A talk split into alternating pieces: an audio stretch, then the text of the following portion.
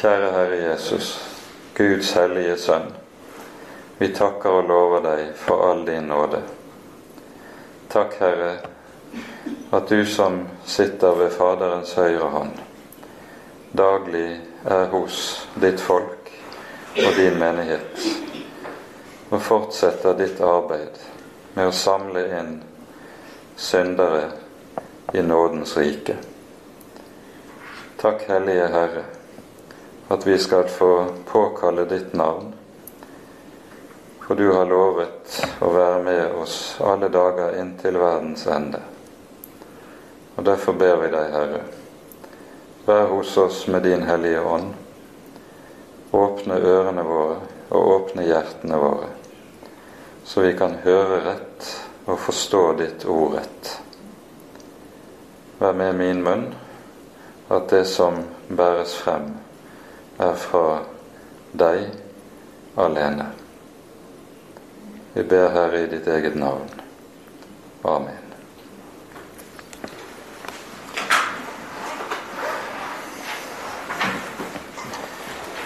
Det er slik med apostlenes gjerninger eh, at vi her har et skrift i Det nye testamentet som har en kort innledning. Det finner vi ikke i de øvrige skriftene i Det nye testamentet på samme måte. Og innledningen er i form av en dedikasjon som vi leser i det første verset. Og Denne dedikasjonen, eh, skriftet er dedisert til en mann ved navn Theofilus.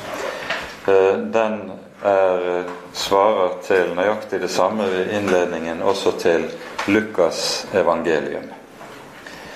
Hvem denne Theofilus egentlig er, det vet man ikke. Han er ikke omtalt ellers i Det nye testamentet, og det har vært en mengde ulike spekulasjoner rundt eh, hvem han må være. I innledningen til eh, Lukasevangeliet kalles han, i hvert fall i den gamle oversettelsen, for den gjeve eller den edle Theofilus. Og det er en tiltale som eh, vanligvis i gresk bare ble anvendt overfor høyere myndighetspersoner.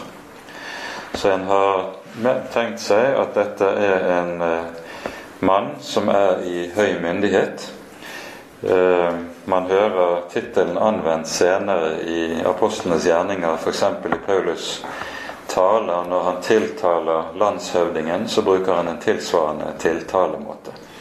Så måten å tiltale Theofilus var forbeholdt høyere standspersoner, slik vi finner det i gresk. Så Theofilus har antagelig vært en slik. Men man vet ellers ingenting om ham. Man vet ikke engang om dette er et pseudonym. Nemlig at uh, Theofilus har ønsket pga. sin høye stilling at navnet hans ikke skal være kjent, men at han uh, da tiltales ved dette navnet, som betyr Den kan bety to ting. Enten 'den som elsker Gud', eller 'den som er elsket av Gud'. Begge deler kan uh, navnet bety. Og slik kan dette da være eh, pseudonyme for en eh, kristen i høy verdighet, og som da får dedisert både Lukasevangeliet og apostelgjerningene til seg, som eh, eh fordi han Og dette er en av eh, de ikke uvanlige antagelsene for bakgrunnen for dette. At når fordi man vet dette fra, ellers fra, fra, samtidskulturen, at når en høyere person fikk dedisert et sånt skrift, så var det med tanke på at han da kunne finansiere kopiering av skriftet, slik at det kunne mangfoldiggjøres og bli kjent i videre kretser. Men som sagt, dette er spekulasjoner. Man vet ikke. Forfatter er i alle fall legen Lukas. Han omtaler ikke seg selv i innledningen til skriftet, eh, men er omtalt i andre sammenhenger i Det nye testamentet. Vi møter ham eh, hele tre ganger i Paulus' brever. I eh, Kolosserbrevet kaller Paulus han for Lukas, legen, den elskede. Han er tydeligvis en som Paulus har satt meget høyt. Og når Paulus skriver sitt avskjedsbrev, eller sin svanesang, som vi har i andre Timotius-brevet, forut for sitt martyrium, så forteller han om hvorledes alle har forlatt ham. Den eneste som er tilbake hos ham, det er Lukas. Lukas sviktet ikke. Um, og I apostelgjerningene møter vi også flere avsnitt som er såkalte vi-avsnitt. Der Lukas skriver i eh, første person, enten flertall eller entall. Og det er tydelig at han da har vært med, vært sammen med Paulus i det som har skjedd i disse avsnittene som vi her hører beretning fra. Sånn at en god del av det vi hører i apostelgjerningene, det er selvopplevd. I det Lukas har ledsaget Paulus på flere av hans reiser, på, i hvert fall på deler av reisene, om kanskje ikke hele misjonsreisene. Antagelig er han fra Antiokia. Han er hedning, som altså er blitt kristen. Og Lukas sine to skrifter, evangeliet og apostelgjerningene, er de eneste skriftene i Det nye testamentet som har en hedning som forfatter. Alle de øvrige skriftene i Det nye testamentet de er forfattet av jødekristne. Og eh, det er jo slik Det var eh, et veldig klart krav i Den gamle kirke at dersom et skrift skulle kunne regnes som hørende til Det nye testamentet, skulle det enten være forfattet av en apostel eller en, av en aposteldisippel. Og Lukas har da vært disippel av apostelen Paulus. Ehm, det har vært også veldig mye diskutert innenfor nytestamentlig forskning når eh, apostelgjerningene har vært avfattet. Og eh, det er to eh, hovedretninger her. Den ene retningen tar utgangspunkt i at en mener at Lukasevangeliet er blitt avfattet rundt år 80, altså en tiårs tid eh, etter Jerusalems ødeleggelse i den jødiske krig. Og da må følgelig eh, apostlenes gjerninger da selvfølgelig være forfattet etter dette. Eh, det er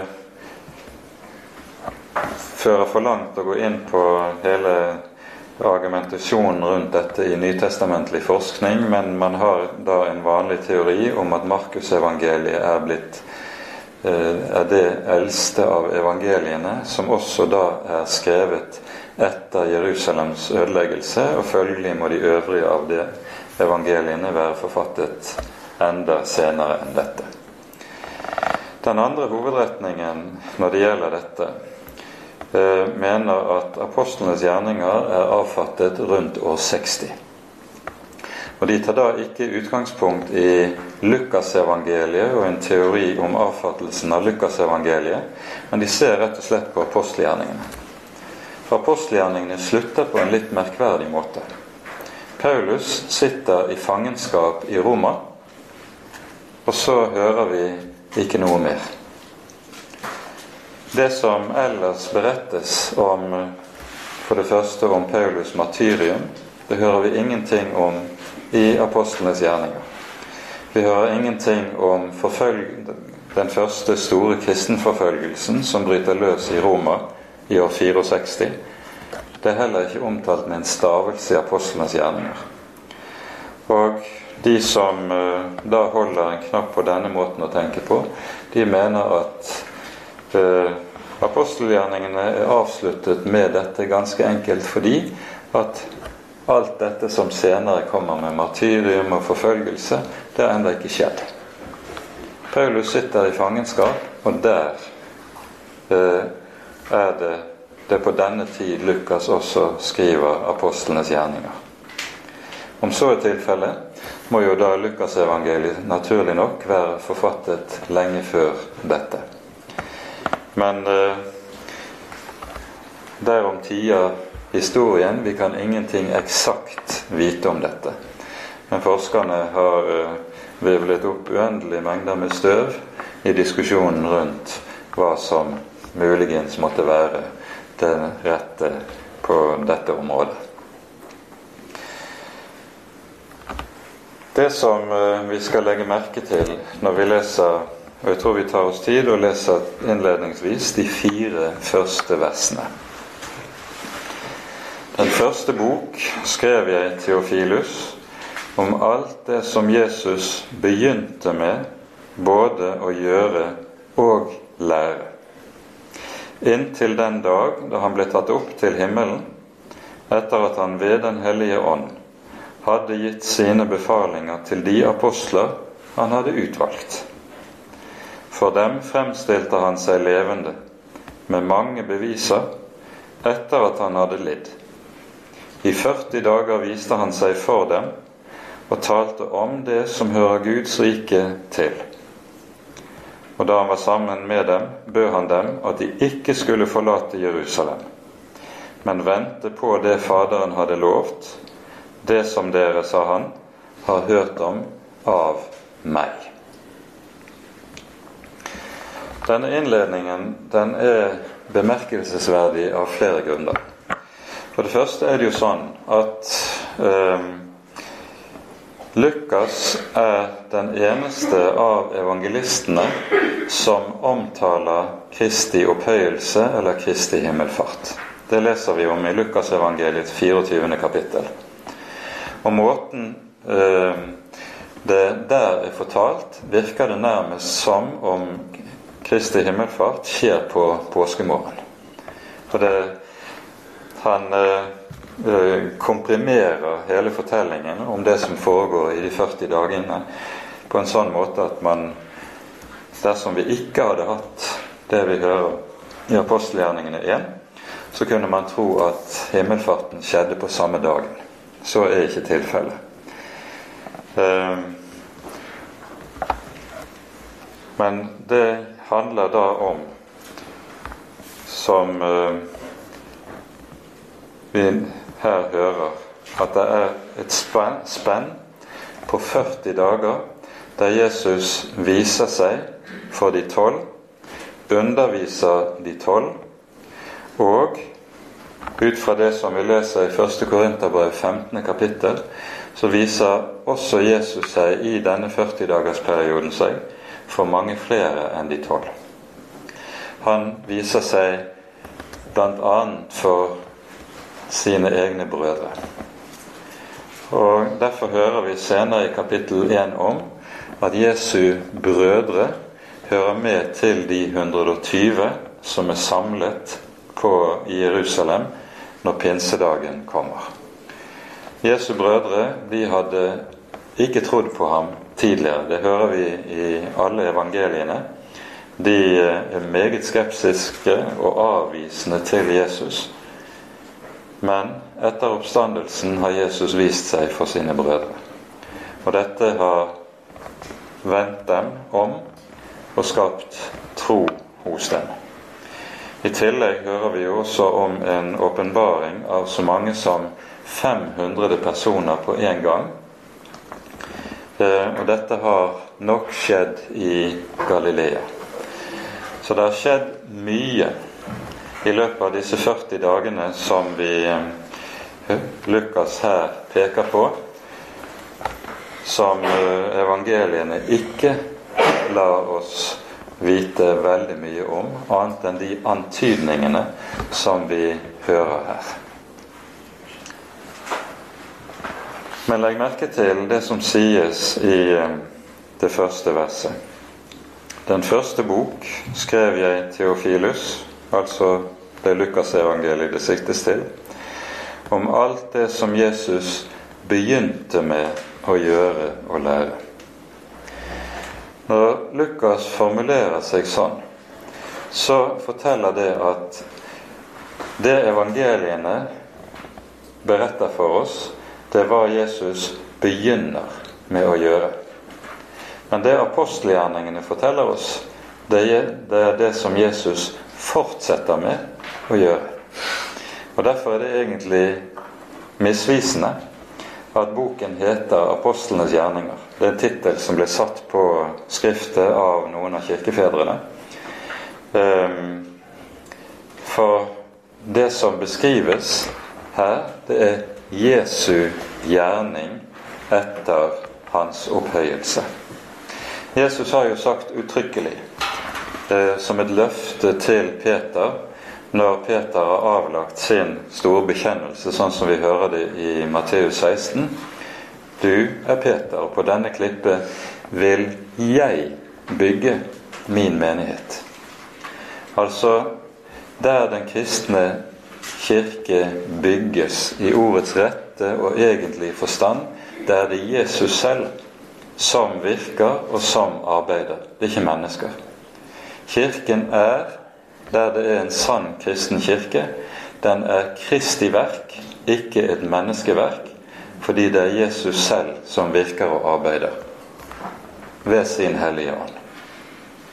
Jeg vil bygge, sier Jesus. Og Derfor har altså Lukas formulert seg sånn som vi hører det i vers 1. Det er tale om i evangeliet hva Jesus begynte å gjøre. Men nå i apostelgjerningene skal vi få høre om hva Jesus har fortsatt med. Hvorledes han nå begynner på å bygge sin kristne menighet her i verden. Så sies det at han fremstiller seg for apostlene i 40 dager. Kristi himmelfartsdag er på den 40. dagen. Eh, og det er jo iøynefallende at Jesu offentlige virke som Messias begynner med en periode på 40 dager, der han fristes av djevelen i ørkenen.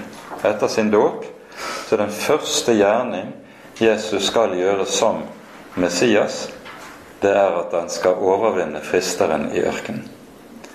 Og så avsluttes også Jesu jordiske virke med en slik 40-dagers periode, som handler om dette at han da underviser disiplene. Glimt fra denne undervisningen finner vi i Lukasevangeliets 24. kapittel, eh, der vi godt kan sammenfatte Jesu undervisning av disiplene i denne perioden med det som sies Han opplot deres forstand så de kunne forstå Skriftene. Mye av poenget med Jesu undervisning her, det er nettopp det at disiplene skal lære å se hvorledes hele Jesu virke og hele Jesu budskap er en oppfyllelse av det som står skrevet i Det gamle testamentet. Og denne her, det å lukke opp disiplenes forstand, det bruker, sånn som Lukas uttrykker seg i sitt 24. kapittel, så forstår vi at dette er hovedinnholdet, må ha vært hovedinnholdet i undervisningen i disse 40 dagene. For øvrig er det jo også i øynefallene i Det nye testamentet at de helt sentrale frelseshistoriske begivenhetene de er knyttet sammen med bestemte høytider som var befalt i Det gamle testamentet. Jesu lidelse, død og oppstandelse skjer i forbindelse med påskehøytiden, som jo er en høytid som går over åtte dager, men som har det med seg at når Jesus korsfestes på eh, langfredag, altså dagen etter at eh, påskelammet er eh, spist under påskemåltidet, så er dette den innledende dagen i påskehøytiden i, eh, i tempelet som går over åtte dager. Så kommer sabbaten, der Jesus ligger i graven. Og så, på dagen etter sabbaten, så skulle førstegrøden av kornhøsten bæres frem i tempelet. I form av et kornbånd eller kornnek som ble båret frem for Herren. Og så er det i tilknytning nettopp til høytiden slik at Paulus sier at Jesus har stått opp som førstegrøden av de døde.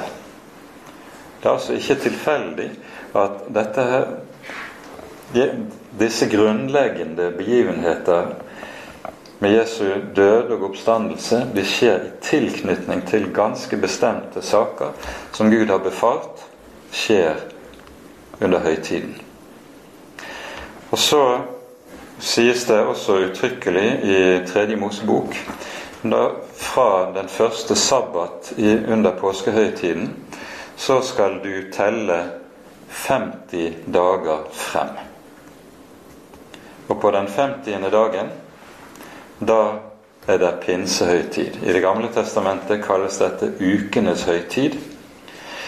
Og denne tellingen den foregår like som den også foregikk på Jesu tid i jødedommen, helt bokstavelig. Dagen under, dagens, under morgenbønnen hver dag i denne 50-dagersperioden så skulle den fromme jøde eh, prise Gud eh, på følgende måte eh, Velsignet være ditt navn, Herre vår konge Israels Gud, som helliger oss ved dine bud og har befalt oss å telle dagene, nemlig frem til pinse. Det kalles for sefirat ha-omer i jødedommen. Og Derfor visste de også meget vel hvilken dag det var tale om. For etter at de hadde sagt 'Du hellige oss ved dine bud' og befalt oss å telle ommeren, og i dag er det den 40. dagen. Så på denne måten eh, foregikk dette, og foregår det den dag i dag innenfor ortodoks jødisk tradisjon. Og der, Dermed så ser vi at den pinse som ligger foran, løftet om Den hellige ånd, den knyttes eh, Disse to ting knyttes sammen. En gammeltestamentlig høytid som er befalt i Mosebøkene, det er den høytiden der Gud sender Ånden, og med det åpner opp den nye frelseshistoriske epoke som heter hedningenes tid. Vi kaller den også for kirkens tid, eller vi kaller den for åndens tid. Og det er tiden mellom Kristi opphøyelse til Faderens høyre hånd og hans gjenkomst til dom. Dette er misjonens tid, det er kirkens tid, det er åndens tid. Og den begynner altså med pinsehøytiden, som vi skal tale om på neste bibeltime. Så får disiplene da befaling om å vente i Jerusalem. Vente på det som Jesus sier 'min Fader har lovet'. Vi legger også merke til at Lukas understreker et par viktige saker i innledningen her. For det første sies det i vers 2 at han hadde gitt sine befalinger til de apostler han hadde utvalgt. Det taler om de tolv. Nå er det bare elleve tilbake etter Judas selvmord. Men når Lukas ut uh, uttrykker seg som dette, så refererer dette til det som står i Lukasevangeliets sjette kapittel fra vers 19, der vi hører at Jesus etter en natt i bønn utvelger tolv. Og de tolv vet vi om. Og så sies det uttrykkelig og han ga dem tilnavnet apostler. Altså Tittelen apostel det er en tittel som Jesus selv gir de tolv. Det er ikke noe som er funnet på av mennesker. Eh, ordet apostel betyr en som er utsendt. Den, de er utsendt av den Herre Jesus. Og det hebraiske ordet som anvendes, og som ligger bak eh, det greske ordet apostolos, det betegner en utsending som har en fullmakt fra han som sender den, til å opptre på senderens vegne. Det er fullmakten. Og Derfor kan Jesus si om apostlenes gjerning og forkynnelse at den som hører dere, hører meg. Og den som forkaster dere, forkaster meg. Det er det å være apostel. Så det er ikke tilfeldig at Jesus setter nettopp en slik tittel på disse tolv, som han særlig utvelger seg. Litt lenger nede hører vi de elleve som er tilbake etter Judas død, navngis. Og så velges det jo ut en som skal tre i Judas sted for at de skal være tolv. Og det er tydelig at tolvtallet er meget betydningsfullt. Fordi med tolvtallet vil eh, Det nye testamentet angi at det er dette som er den nye pakts Guds folk. Det var tolv stammer i det gamle Israel. Den nye pakts Guds folk. Det starter også med dette tolvtallet. De tolv som er utvalgt. Vi kommer til å komme tilbake til dette etter hvert. Eh, men eh, ikke mer om det i denne omgang. Det som vi hører i eh, vers 4 der sies det 'da han var sammen med dem'. Det uttrykket som er oversatt slik, det oversettes i de fleste andre sammenhenger med at 'da han åt sammen med dem'. Og det peker på måltidsfellesskapet og den betydning måltidsfellesskapet hadde i hele den gamle jødedom. Ehm, det sies jo også uttrykkelig i Lukasevangeliets 24. kapittel at Jesus spiser for disiplenes øyne for å gjøre det helt tydelig for dem. Han er ikke en ånd, det er ikke et gjenferd, det er ikke en visjon eller et syn de står overfor. Jesus er fysisk stått opp fra de døde og fremstiller seg levende for dem. Og så står det at han spiser for deres øyne. Og eh, det kan meget godt tenkes at det er slik at før han skilles fra dem, når han opphøyes, så skjer det nettopp i forbindelse med et måltid, et måltidsfellesskap. De skal vente. Og så kommer fortsettelsen, og da leser vi fra vers 5 til vers 11. Johannes døpte med vann, men dere skal bli døpt med Den hellige ånd ikke mange dager heretter. De som nå var kommet sammen, spurte ham og sa, Herre, er det på den tid du vil gjenreise riket for Israel? Han sa til dem, det er ikke deres sak å vite tider eller timer som Faderen har fastsatt av sin egen makt. Men dere skal få kraft idet Den hellige ånd kommer over dere. Og dere skal være mine vitner, både i Jerusalem og i hele Judea og Samaria og like til jordens ender. Da han hadde sagt dette, ble han løftet opp mens de så på, og en sky tok han bort fra øynene deres. Mens de sto der og stirret opp mot himmelen idet han for bort, se, da sto to menn i hvite klær hos dem, og de sa, Galileiske menn, hvorfor står dere og ser opp mot himmelen? Denne Jesus, som er tatt opp fra dere til himmelen, skal komme igjen på samme måte som dere så ham fare opp til himmelen. Og med det vi her hører, så utfyller Lukas det som han har fortalt i meget komprimert form i slutten av sitt evangelium. Her er det en rekke sentrale ting å legge merke til. For det første er det slik at det vi hører i vers 8, det fungerer på sett og vis også som en disposisjon for hele apostelens gjerninger. I det det er slik at det som fortelles i apostlenes gjerninger, er hvorledes evangeliet sprer seg som ringer i vannet.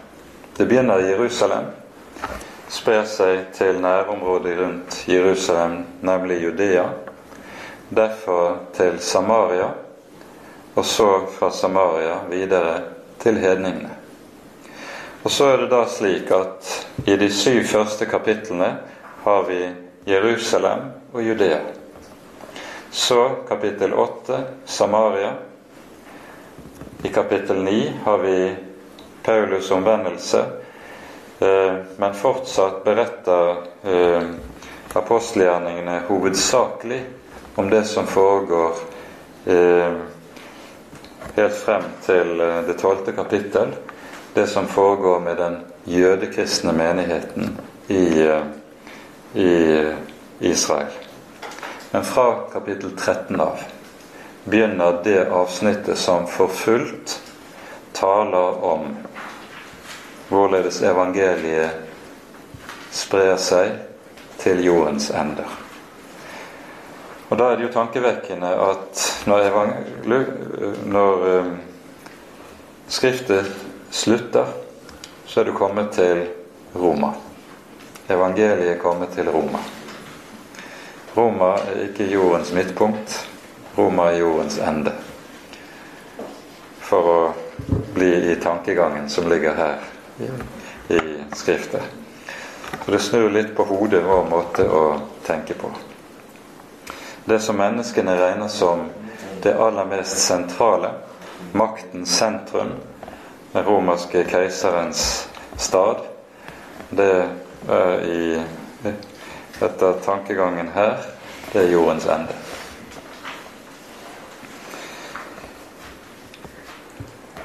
Dernest, da Jesus nå understreker løftet om Den hellige ånd, at de skal vente på Ånden, og så skal det skje som allerede døperen Johannes har talt om. De skal døpes med Den hellige ånd og ild. Det skal skje ikke mange dager heretter. Så kommer spørsmålet Herre, gjenreiser du på den tid riket for Israel? Og Det som ligger i dette spørsmålet, det er jo dette at disiplene fortsatt sitter bundet opp i den eh, forventning eh, som på mange måter er nasjonalistisk jødisk. De forventer at når Guds rike kommer Jesus har talt om, hører vi eh, i det tredje verset, om det som hører Guds rike til, så forbinder disiplene fortsatt dette med et jordisk Israel. Gjenreiser du på den tid riket for Israel? Underforstått skal vi da bli fri fra romernes åk? Skal det Israel som vi hører om i Bibelen, Davids rike, så være gjenreist i ytre forstand, sånn at vi på ny skal se denne velsignelsesrike tid? Nei. Når Jesus taler om Guds rike, så taler han om, ikke om et ytre jordisk rike. Han taler om et rike som har bolig i menneskenes hjerter. Uttrykket Guds rike, det betyr i Bibelen det at Gud får lov til å være konge i menneskenes liv og i menneskenes hjerter. Overalt der det er tilfellet, der finnes Guds rike. Og det er det vi også ber om i Fader vårs andre bønn komme ditt rike. da ber vi nettopp om dette at Jesus ved evangeliet skal innta herredømme og bli konge i hvert enkelt menneskes hjerte. Det er dette som er Guds rike. Og så avviser derfor Jesus hele spørsmålet som de kommer med. Han sier det tilkommer ikke dere å vite noe om dette. Eh, tilsvarende så har disiplene spurt når Jesus, eh, slik vi hører om det i Matteus 23 og 24 Jesus varsler at tempelet skal eh, rives ned til grunnen. Så spør disiplene, Herre, når skal dette skje? Og hva skal tegnet være på ditt komme? Og Jesus avviser det og sier det tilkommer ikke dere å vite. Det er verken tider eller stunder. Himmelens engler vet det ikke. I, Lukas, i Markusevangeliet sies det til og med ikke engang Sønnen vet tider eller stunder. Alene min Fader i himmelen. Så Jesus sier det er en del saker som Gud har forbeholdt seg selv som det ikke er gitt oss å ha oversikt over og ha kunnskap om. Og Her skulle vi kanskje minne om ordene i 5. Mosebok 29, 29. Det skjulte hører Herren til, men det åpenbarte er for oss og våre barn for at vi skal lyde alle ordene i denne lov. Altså Gud har skjult en del saker, og da nytter det ikke for oss å prøve å finne ut av det. Da skal vi la det være Herrens sak, og så skal vi nøye oss med det Han har åpenbart. For Han har åpenbart nøyaktig det vi trenger for å kunne leve som Hans folk her i verden. så skal altså disiplene være Jesu vitner. Og med dette vitnesbyrd så er det at Guds rike skal utbres her i verden. Det skal utbres ved et vitnesbyrd, ved et ord. Og så er det da også slik, som vi har vært inne på eh, ved mer enn én en anledning, at når Jesus utfører sin gjerning, når han bygger sitt rike, når han bygger sin kirke, så gjør han det ved hjelp av sitt ord. For ordet er et virkekraftig ord. Det er ikke et tomt ord. Tankegangen er jo i Bibelen den at Guds ord er ikke bare et ord som gir informasjon altså gir oss en kunnskap som det så er opp til oss å omsette i praksis. Nei, Guds ord er selv et ord som er virkekraftig, og som skaper og utvirker det som Gud sender ordet til. Således skal mitt ord være, sies det i Jesaja-bokens 55. kapittel, som går ut av min munn det skal lykkelig utføre det jeg sender det til. Ordet utfører Guds gjerning. Og Derfor er all sann tjeneste i Guds rike den består i å være tjener for Guds ord. For det er ordet som skal gjøre det, ikke vi mennesker. Prøver vi mennesker å utføre det, så blir det menneskeverk. Men ved sitt ord er det Herren utfører sitt verk her i tiden og imellom oss.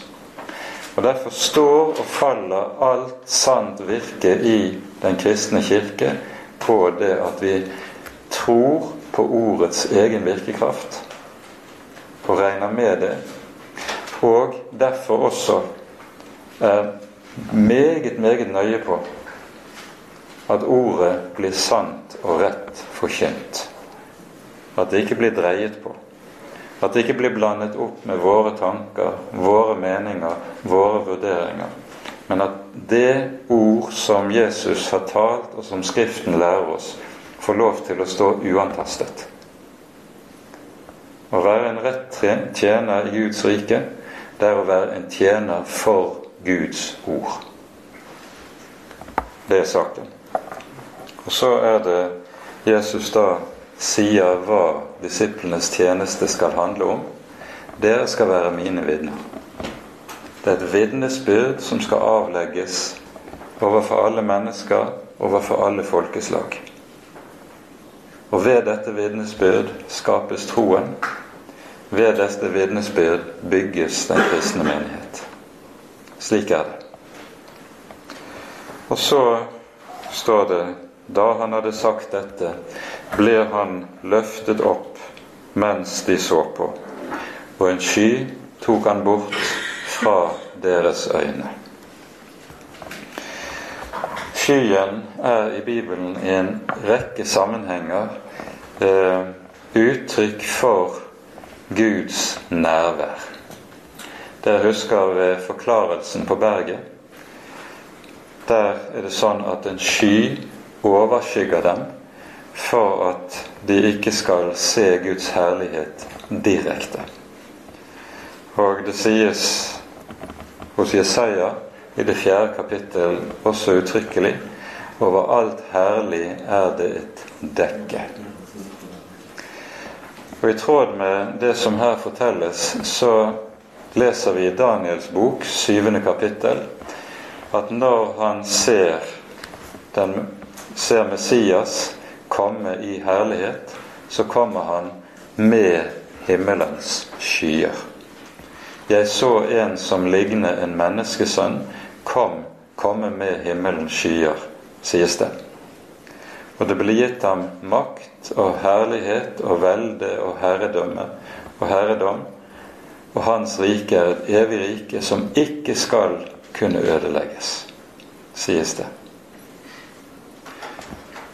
Han er den som kommer med skyen, og derfor sier også englene som nå møter disiplene der de står med blikket vendt oppad, at på samme måte som han dere ser ham ble tatt bort, skal han komme tilbake. Og så står løftet der. Jesus kommer tilbake. Og dette er noe av det mest avgjørende i det kristne håp, og noe av den mest avgjørende drivkraften i Den kristne kirkes liv og virke. Vi vet at Herren kommer tilbake for å hente sine, og for å etablere sitt evige rike når han skaper nye himler og en ny jord.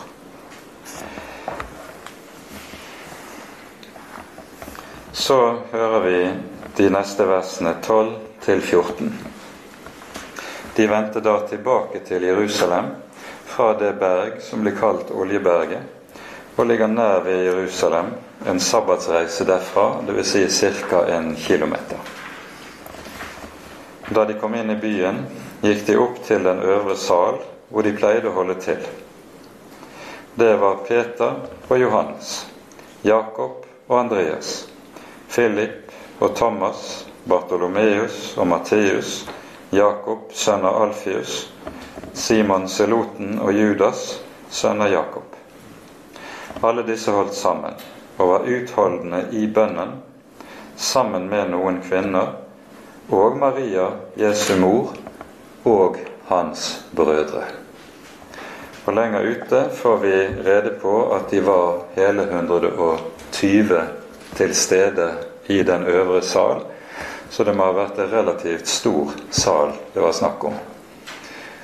Er vi 60 personer her inne, så føles det ganske fullt. Den øvre sal må følgelig ha vært eh, et stykke større også enn denne salen som vi er samlet i. Legg merke til at det sies de var utholdende i bønnen. Det sies ikke at de var utholdende i bønn, men bønnen omtales i bestemt form. Og det er ikke tilfeldig. For når bønnen omtales i bestemt form, sånn som vi hører det her, så sikter det til den daglige bønn der man ba Salmenes bok tre ganger for daglig. Morgen, middag og kveld. Det hører vi eh, senere ut i apostelgjerningene at eh, de første kristne var nøye med å iaktta de daglige bønnetidene.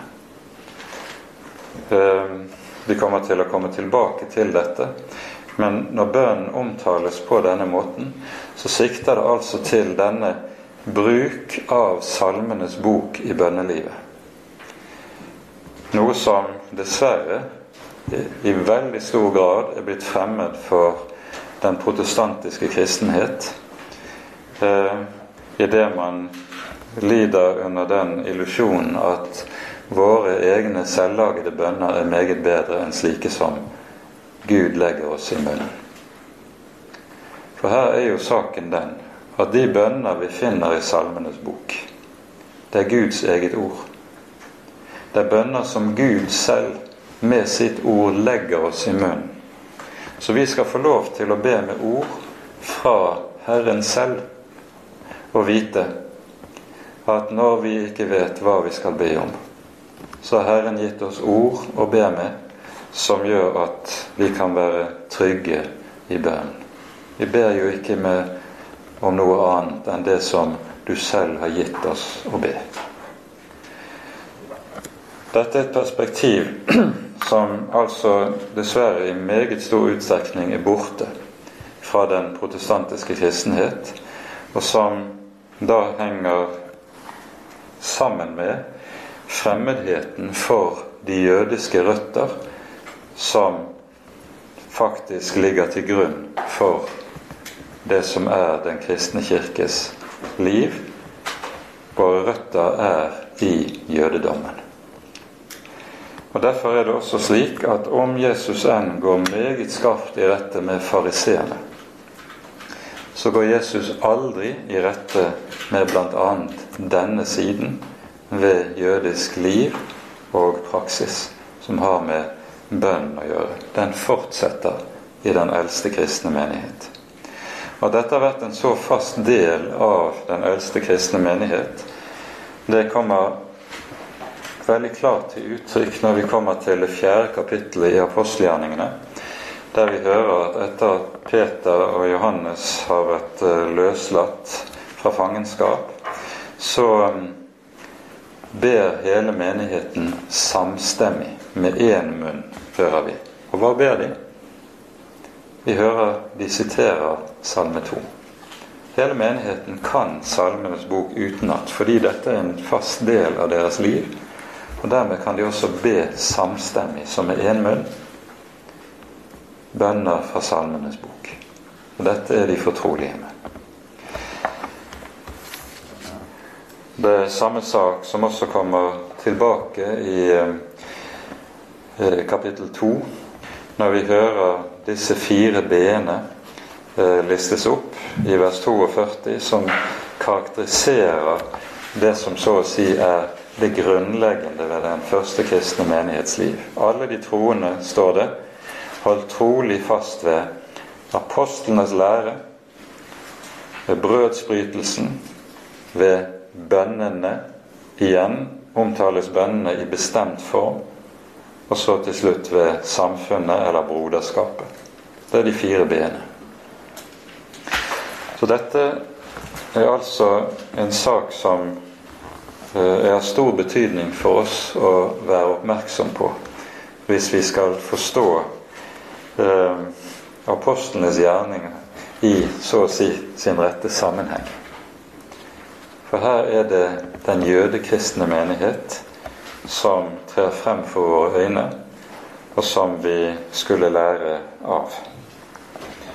Når Paulus i Kolosserbrevet, vi har vel vært inne på det tidligere kanskje, sier i det tredje kapittel at la Kristi ord bo rikelig iblant dere, så dere synger i deres hjerter og formaner hverandre med salmer og lovsanger og åndelige viser så disse tre uttrykkene som Paulus her anvender, de er overskrifter i den greske utgaven til Salmenes bok som eh, var i bruk blant de hedningekristne. Altså det er titteloverskrifter til ulike typer, forskjellige typer av salmer. Så når Paulus sier dere skal formane, oppmuntre hverandre, synge i deres hjerter med salmer, sanger og åndelige viser, så sikter han til Salmenes bok. Og Når han formaner til dette, så er det jo fordi Kolosserbrevet er skrevet til en hedningekristen menighet. De hedningekristne er ikke vant til dette. Derfor er dette noe de må undervises i, læres opp i, for å bli fortrolig med. Og så minner apostelen om dette. Det er det vi sikter til i denne sammenheng. Ganske kort til slutt. Vi hører ved avslutningen av kapittel 1 hvorledes de samlede i perioden der de venter på pinsedagen, eh, utvelger en eh, erstatter for Judas. De skal være tolv. Denne utvelgelsen foregår etter ganske bestemte kriterier.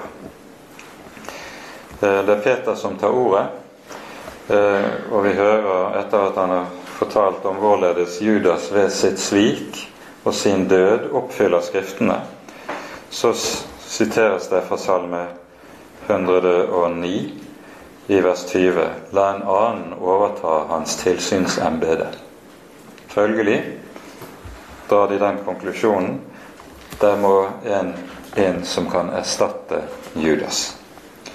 Og så hører vi i fortsettelsen. Derfor bør en av de menn som fulgte med oss hele tiden mens Herren Jesus gikk inn og ut iblant oss, like fra han ble døpt av Johannes, til den dagen han ble tatt opp for oss, en av disse menn bør sammen med oss være vitne om hans oppstandelse.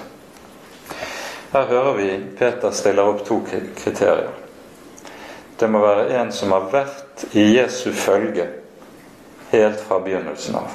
Altså har vært øyenvitne og ørenvitne til gjennom hele Jesu virke. Og for det andre han må ha vært også vitne til Jesu oppstandelse. Har møtt den oppstandende. Slik altså alle de tolv har det. Da er det to menn som tilfredsstiller disse kriteriene. Vi hører fra vers 23. Så stilte de frem to. Josef, som ble kalt Barsabbas, med tilnavnet Justus, og Mattias. Og de ba og sa, Herre, du som kjenner alles hjerter, vis oss hvem av disse to du har utvalgt til å få del i denne tjeneste og apostelgjerning som Judas forlot for å gå til sitt eget sted. Så kastet de lodd mellom dem. Loddet falt på Mattias, og han ble regnet som apostel sammen med de elleve. Mange har undret seg over denne, denne, teksten, og ikke minst over hvorfor vi ikke hører noe mer om Mattias i apostlenes gjerninger.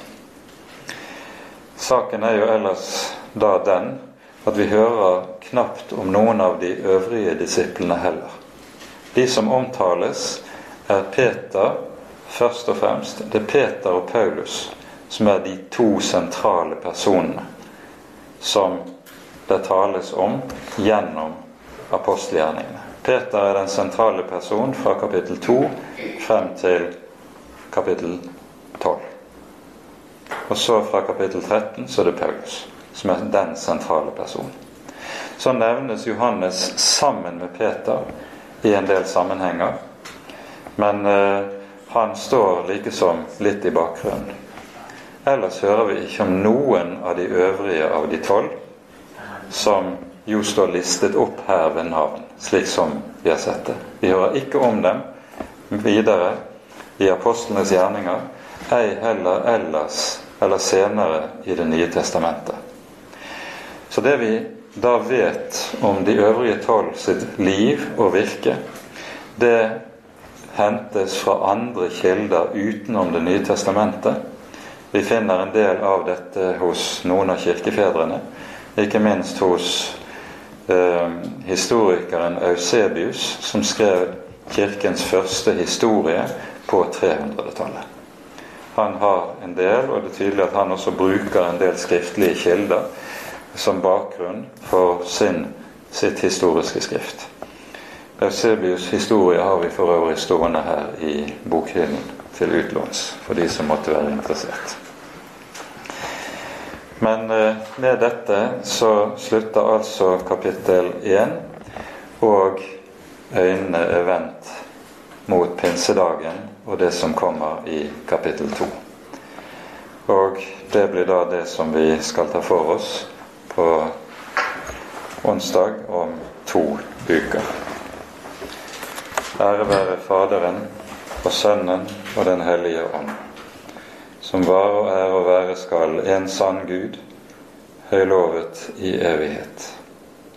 Amen.